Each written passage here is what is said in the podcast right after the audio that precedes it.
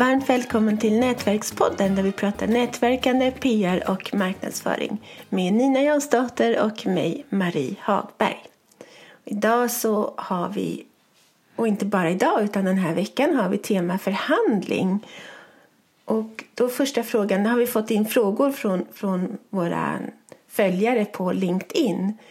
Och då är första frågan hur avbryter man fint när man har kört fast och befinner sig väldigt långt ifrån varandra utan att helt kapa vägen framåt, fram mot avslut? Det är från Ann-Sofie Collin.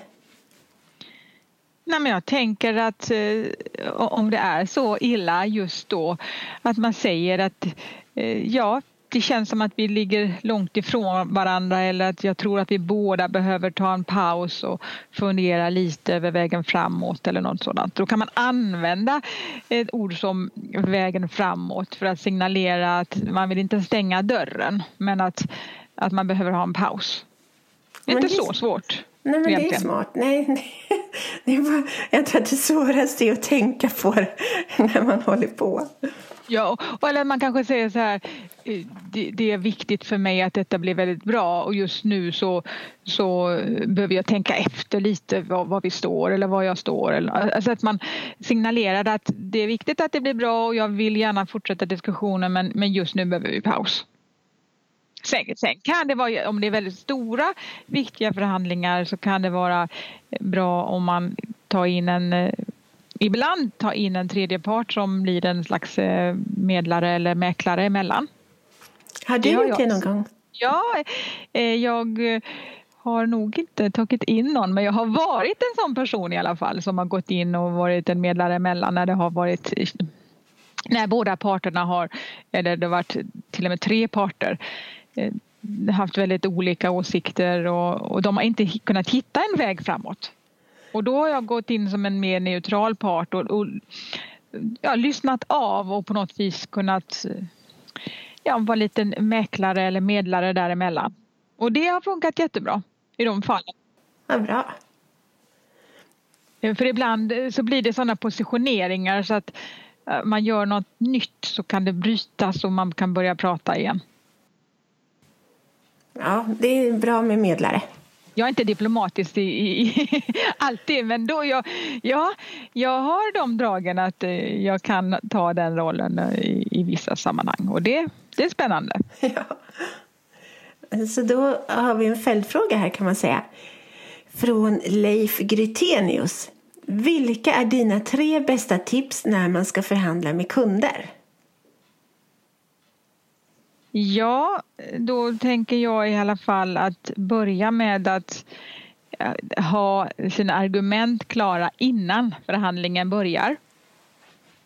Tre argument ungefär brukar vara lagom att ha med sig eh, för att fler blir för, för pladdrigt och eh, man kan inte bara köra på en, ofta inte bara på ett enda argument utan tre argument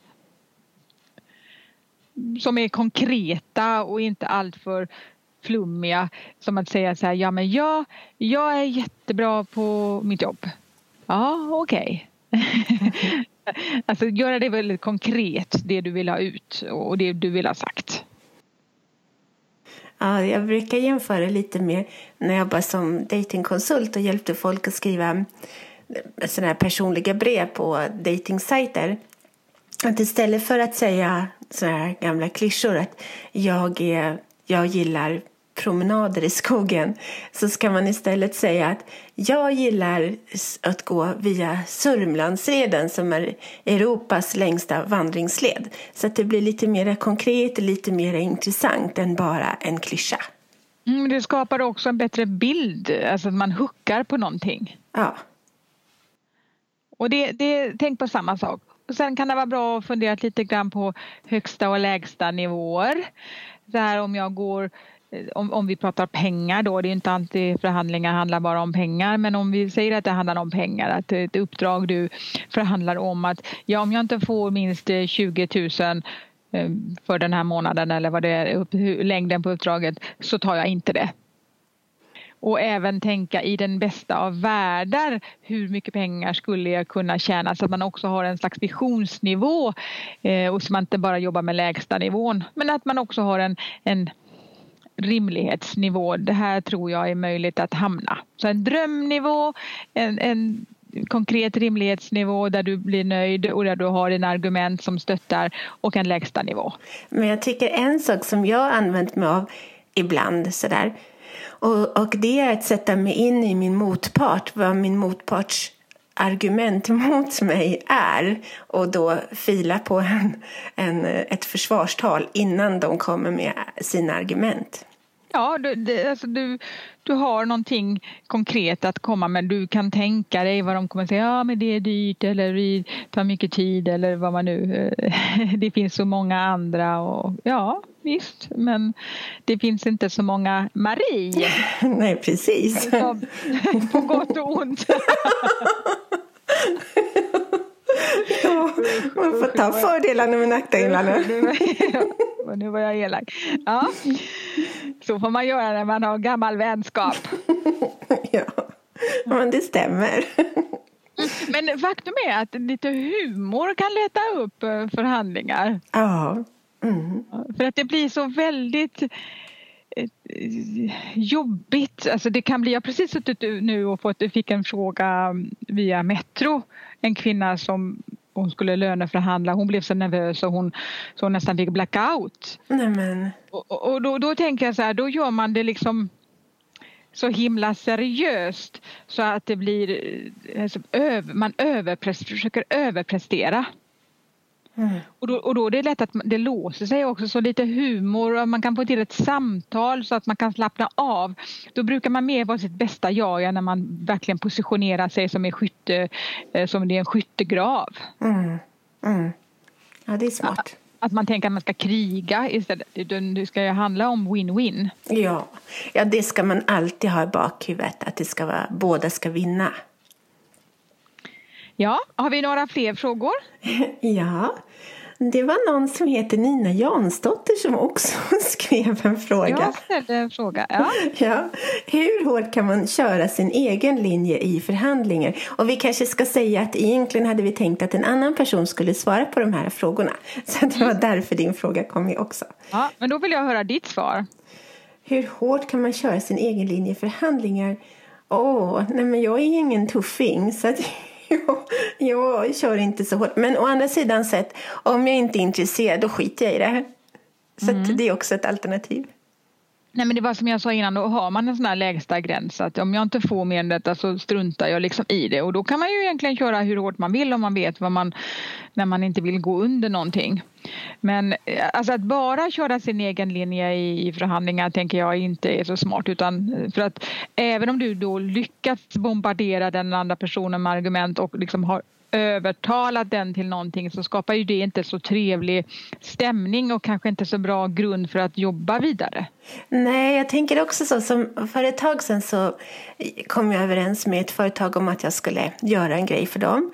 Och, och sen så insåg jag att nej, jag är inte nöjd med det här äh, avtalet. Och då så försvann ju all min entusiasm för att ja. jobba med det. Så de, kan, uh, det kan man ju tänka på då att andra, om man själv pushar andra så bara för att man är duktig, en del är ju jätteduktiga och säljande och, och kan tala för sin sak men om man talar så mycket för sin sak att man glömmer bort den andra då kanske man inte får så bra relation sen när man väl ska göra det här uppdraget. Nej. Och då, då gagnar ju inte det att man har fått mer, tänker jag. Ja, nej, alltså det nej, det, all, all entusiasm försvann så fort jag kom på det. Mm, men bra lärdom. Ja, bra lärdom. Ja. Hur tacklar du överraskningar under förhandlingar, undrar Christian Malmqvist. Ja, jag har ett mindset att jag är beredd på överraskningar och det gör det gör det lättare när en överraskning kommer att jag tänker att jag har med människor att göra och även hur förberedd jag är så tänker jag mig att människor överraskar och förvånar mig ofta. Så det, det är bra att ha med sig det. Att det kan hända. Ja. Eh, och om det, är, om det är en stor överraskning som har betydande vikt Eh, för utfallet så tänker jag, eh, då ber jag ofta om tid. Ja, tack så mycket för den här informationen men då behöver jag eh, ta en paus eller, eller att återkomma nästa vecka för då behöver jag kolla med en jurist eller kolla med vad eventuella underkonsulter skulle ha för att göra något jobb eller om jag ens har tid eller att jag inte försöker då bara svara Ja, utifrån att jag trodde att vi hade någon, någon slags konkret förslag på gång. Om det då kommer nya grejer så, eh, så är det bättre att, eh, ja, att undersöka det innan man svarar, har jag lärt mig. Mm. Och vi har en fråga från Kristoffer Jensen. Hur anpassar jag min förhandlingsteknik utefter människors personlighet? Kan det slå fel om jag gör det? Nu pratar man ju på LinkedIn då där frågorna har kommit mycket om, om disk till exempel men det finns också andra personlighetsmodeller och, och det är klart att man har nytta av att anpassa sin, sin sätt att kommunicera med den man kommunicerar med i all form av kommunikation inklusive förhandling. Så att om du har en väldigt analytisk personlighet som du förhandlar med då är det klart att då vill inte den ha några fluffiga eh, mjuka argument utan att väldigt konkret siffror, Excel-modell. Alltså det är väldigt liksom, det handfasta för det passar den personens personlighet. Och har du en, en, en annan typ av personlighet så mm, klart att du ska liksom försöka möta den personen. Men det kan slå fel om du gör helt om din egen personlighet för att bara anpassa dig efter den andra. För då tycker jag att det blir krystat och konstigt och då är det inte du dig själv. Och du ska ju ändå göra affärer med den du är och det är ju ändå den personen som är du som personen sen ska möta. Ja, jag tycker att en sak som man kan göra och eh, som är väldigt subtil och det är att försöka få den andra att tycka om dig för då har du ju lite försprång i alla fall och den andra personen behöver inte ens, ens lägga märke till det medvetet utan lägger märke till det undermedvetet.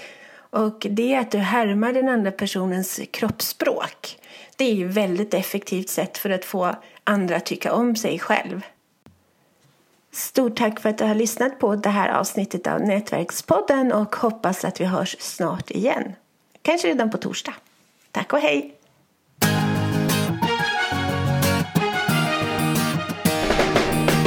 Tack för att du har lyssnat på Nätverkspodden om nätverkande, PR och marknadsföring med Nina Jansdotter och Marie Hagberg.